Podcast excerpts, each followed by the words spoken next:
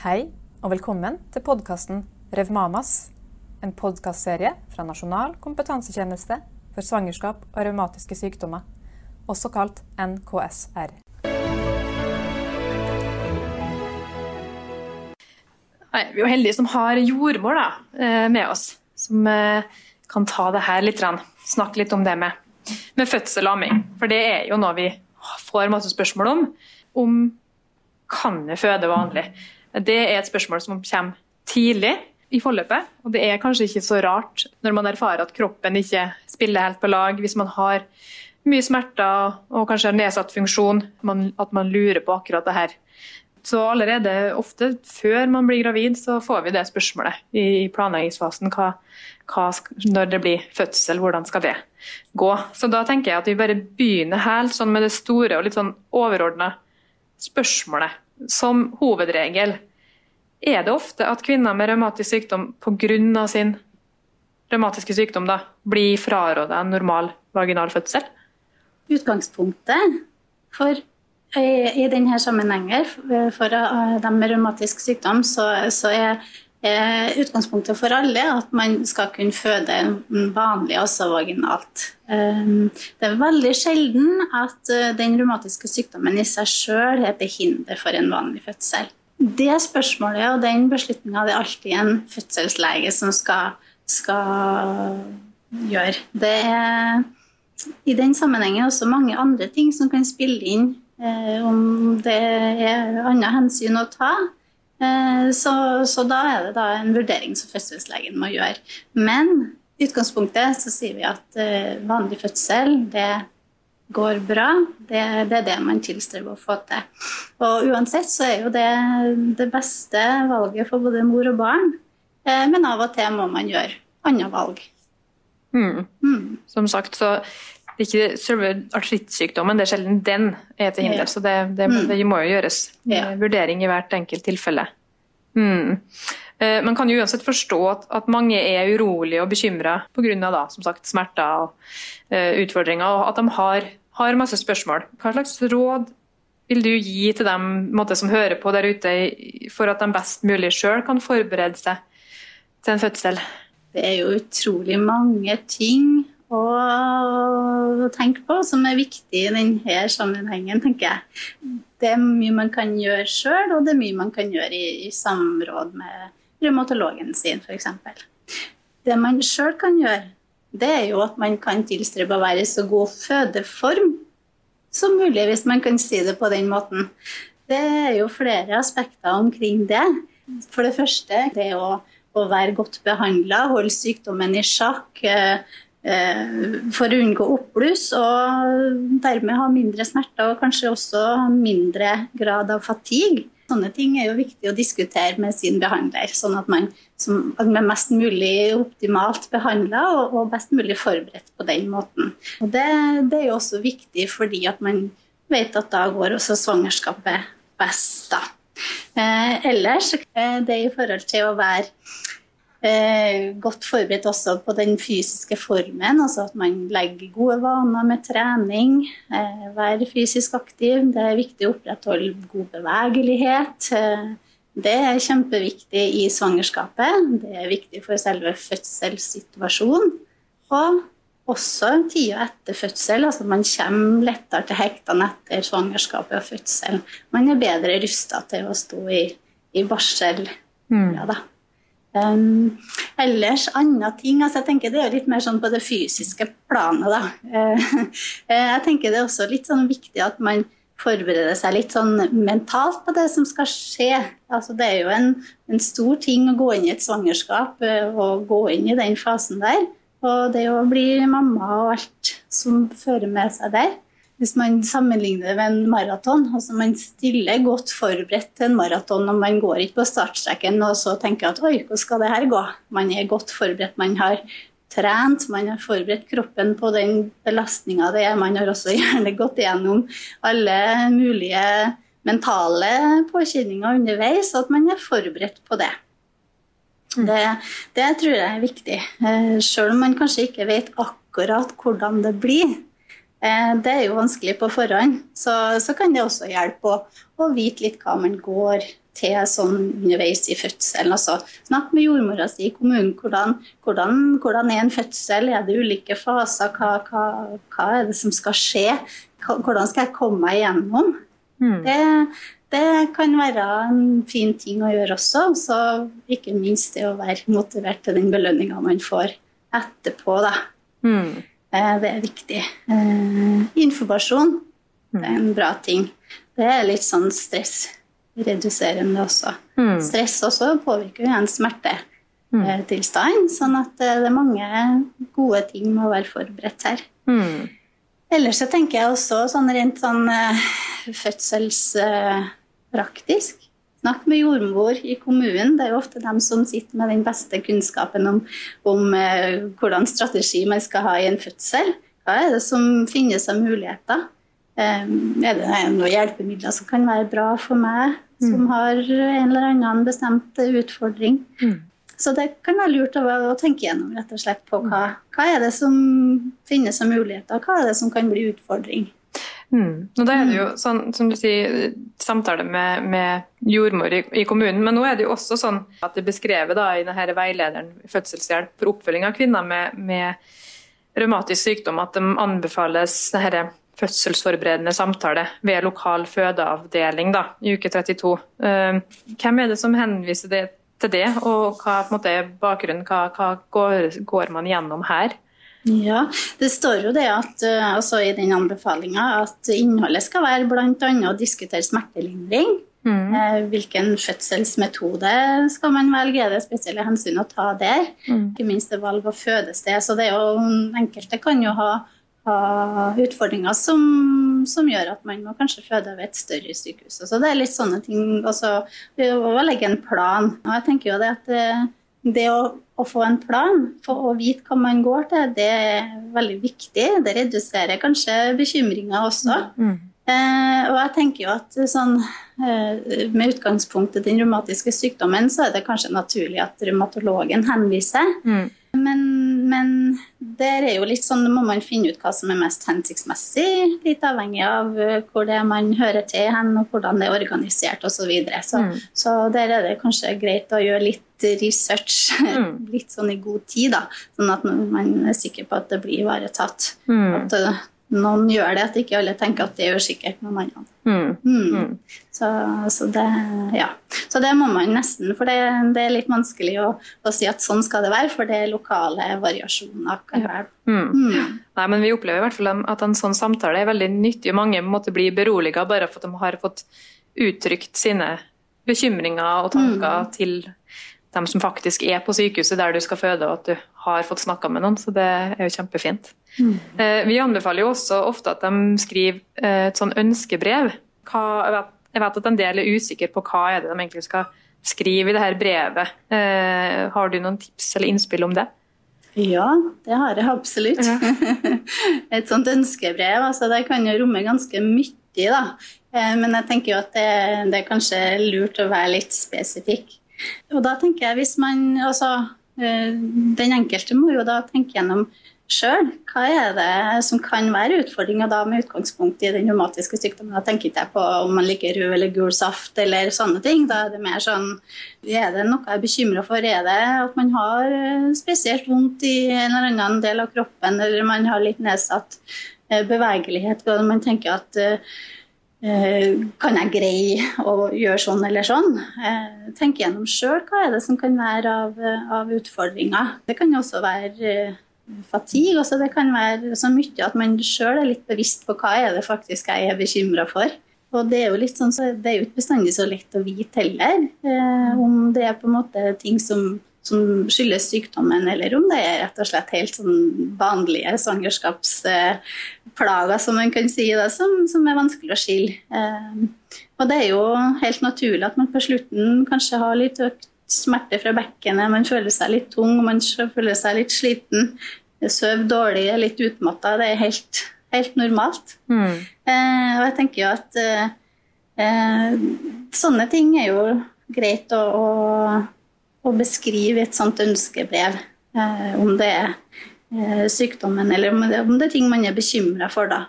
Eh, og så tenker jeg også at det er litt eh, viktig at man kanskje snakker med den som skal være med på fødselen om sånne ting òg. Mm. Det er jo noe med å og den man skal ha med seg også, er på en måte ha litt innsikt i ja, kanskje de bekymringene og hva er det som kan være Mm. eh, man trenger støtte til underveis. Det er ikke bestandig at det er så lett å eh, få formidla det i en fødselssituasjon. Da har man ofte nok med andre ting, Mm. eh, sånn kommunikasjonsmessig.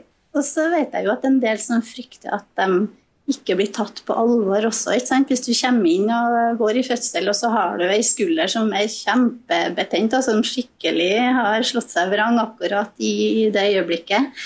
Det kan jo gi store utfordringer og begrensninger også i en fødsel. Det kan jo være at man, man setter ord på sånne ting, at det, det er viktig at man får formidla det klart og tydelig. Og det er, jo ikke, det er jo ikke alltid at den som skal ta imot den på fødeavdelinga, har tid til å sette seg inn i sånne ting der og da, så det er veldig nyttig å få og litt sånn kort og konsis beskrivelse på hva er det som kan være Mm. utfordring, da. Så igjen, som du sier, da, så eh, noter, men, men igjen kanskje ikke side opp og side ned. For det Nei, jordmor skal også lese gjennom det der, at de får liksom Ja. hovedpunktene. Ja, det er det. Og, og så, så er det noe med å få måte, plassert og landa de bekymringene sine på et tidspunkt. Det Mm. kan ofte òg være veldig til hjelp. Man har liksom alt man går og tenker på og bekymra for, og så at man på en måte bare beskriver dem, og så har man i hvert fall landa dem der, så slipper man å gå og tenke på å være bekymra. Ja. Det er jo et godt poeng i seg sjøl, at du har notert deg bare. Ja. bare Og at man føler at da, da, da er man trygg på at noen eh, ivaretar det mm. når man kommer. Mm. Det er ofte veldig, veldig smart. En del har jo også tanker rundt det med, med keisersnitt, og, og, og at noen tenker at det vil være en bedre løsning for dem, fordi de har så mye smerter og så mye plager at de liksom ikke ser for seg det å kunne gå gjennom en fødsel på toppen av det hele. da, eh, Og tenker at fødselen vil være for stor påkjenning osv. Har du noen tanker vil du, rundt det? Da er det jo litt sånn, eh, som jeg sa i sted, akkurat beslutninger omkring det med, med fødsel og valg og fødselsmetode, det er det jo fødselslegen som skal bestemme. Eh, ofte er det jo andre ting som kan, som, som kan være med å si at uh, her må vi faktisk gjøre et keisersnitt. Men det er viktig å tenke på det at uh, i den forbindelse, så et keisersnitt det kan jo være utfordringer med det òg. Først og fremst er det et veldig stort inngrep eh, som, som gir økt risiko for mor og barn. Det skal ikke jeg si så mye mer om altså, hva det innebærer, tenker jeg. Men, men eh, det er jo det vi sier at først og fremst så er det jo vanlig fødsel er jo det beste. Men i den sammenhengen her også er det viktig å tenke på at eh, hvis man da skal gjennom en så stor operasjon, så blir man ofte liggende mye mer eh, i ro i seng etterpå. Det kan jo gi noe økt eh, problemer i forhold til det å komme seg opp og komme seg i aktivitet. Man blir mer stiv og får mer vondt osv. Så videre, sånne ting.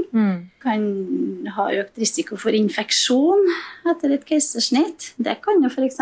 bidra til at man kanskje må utsette oppstart av biologisk behandling. Det kan jo òg være et viktig aspekt mm. dersom man, man tenker at man har, har behov for å komme i gang med behandling ganske raskt etter fødsel. Mm. Så, så, så det Keisersnitt er sjelden en sånn lettvint løsning. Ja, nei, det, Det, og det er jo derfor at det er på en måte mange runder i forhold til det òg. mm, mm. Eh, Hva med altså, anestesi eller eh, smertelindring? Da? Så man, kan det være noen utfordringer der? Kan alle få epidural f.eks.? Eller andre typer smertestillende som er aktuelle, eller? Ja, det er jo mange som tenker på det. Man har jo hørt mye om at det er vondt å føde. Det er det. Så det, ja, det er det. Eh, Så, men epidural, det kan de fleste få. Det kan jo være forskjellige ting som gjør at man må, må planlegge det litt bedre. Noen kan jo ha behov for å må ta blodfortynnende f.eks. i svangerskapet. Da er det litt sånn hensyn å ta. Men sånt eh, kommer jo sjelden brått på akkurat det at man har behov for eh, sånn medisin, så det bør man jo legge en plan for. Ellers så, så kan det jo av og til være behov for at en anestesilege på forhånd gjør en vurdering eh, i forhold til det med anestesi. Eh, det kan jo være hvis man har nakkeaffeksjon. Det kan gi noen utfordringer i forhold til det med anestesi. Noen kan ha litt sånn redusert gapeevne, eller eh, så, som kan gjøre at uh, man kanskje kan ha litt utfordringer i forhold til det med hvis man trenger et hastekeisersnitt og trenger å ha narkose, Mm. så må man jo ha en tube i halsen, og da må man ha avklart sånne ting. Likeledes i forhold til hvis man har veldig alvorlig affeksjon av hofteledd. Mm. Eh, Sånne ting kan kreve ekstra planlegging i forkant av fødsel. Mm. Eh, Er det ting som man må sjekke ut med røntgen, så må man jo gjøre det før man blir gravid. Ja. Eh, Så det er jo viktig å, å tenke på. Eh, Men sånn ellers, da, bare sånn du snakka om smertestillende. Altså, det er jo også mye mer enn epidural. Eh, og det kan jo hende at man har behov for hvis at sykdommen eh, slår seg litt vrang, rett og slett eh, akkurat idet man går i fødsel. Da tar man jo smertestillende som man pleier. Da er det jo Paracet som gjelder. Man skal jo ikke ta andre ting som Ibux, Naproxen så spent. Ellers har de fleste fødeavdelinger gode rutiner på Mm. vanlig smertelindring. Eh, og det vil være lokale variasjoner der også. Jeg tenker at det, det er litt vanskelig å si noe mer om. Men ellers er det jo som vanlige ting som man Mm. vet lindrer godt med litt varme. Kanskje et badekar, en varm dusj, massasje. Mange liker jo å være i bevegelse. Det kan jo lindre, og, og heller være litt i aktivitet fremfor å eh, ligge i ro Mm. Anbefaler at man diskuterer sånne ting med jordmor underveis i svangerskapet. Mm. Mm. Eh, Er det noen andre gode råd, andre ting du har lyst til å dele som, som du kommer på, som ikke har kommet opp her nå? Jeg tenker Det viktigste er jo at man eh, tar opp bekymringene man har med jordmor eller fastlege. Eh, Bekymring stresser, og da er det bedre å gjøre noe med det.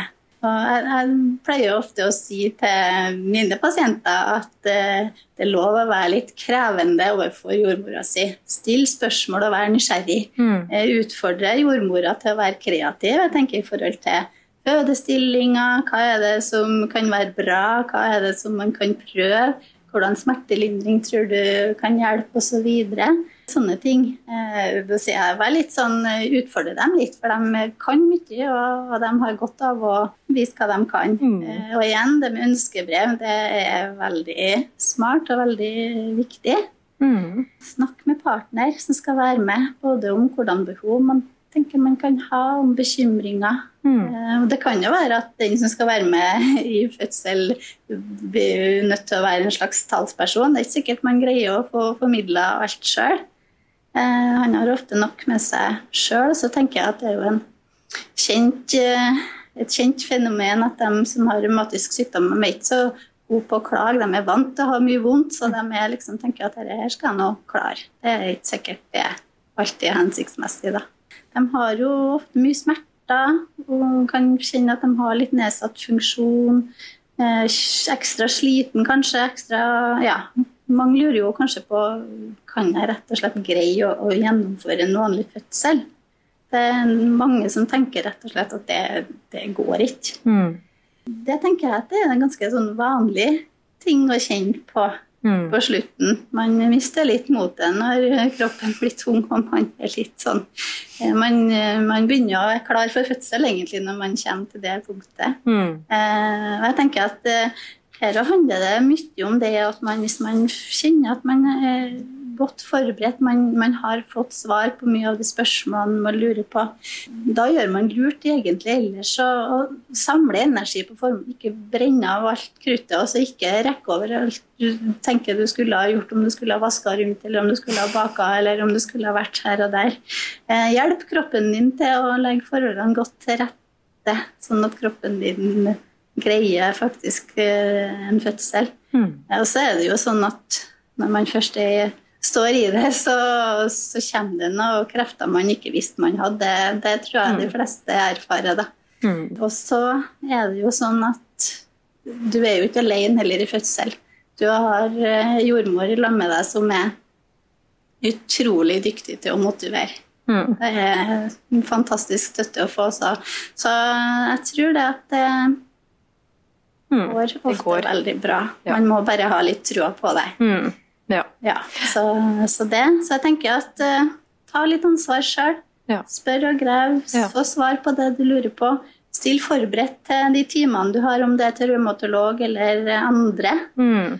Uh, Mm. finne ut hva hva er det jeg skal ha når, hvem er det som skal gjøre hva. Mm. Eh, og ikke minst eh, bruk pålitelige kilder i det du leter etter informasjon og søker det. Mm. Jeg tenker vår hjemmeside, Helse-Norge, men vær litt kritisk. Og så tenker jeg det er viktig at man bruker nettverket man har. Både personlig nettverk eh, hvis man har noen man kan snakke med. Også brukerorganisasjonen kan være fin å, å støtte seg på. Da. Ja. Mm. ja men da eh, tror jeg syns vi har sagt mye fornuftig om fødsel. Takk for oss. Du har hørt en podkast fra NKSR. Hør flere spennende podkaster om svangerskap og revmatiske sykdommer på NKSR sin kanal.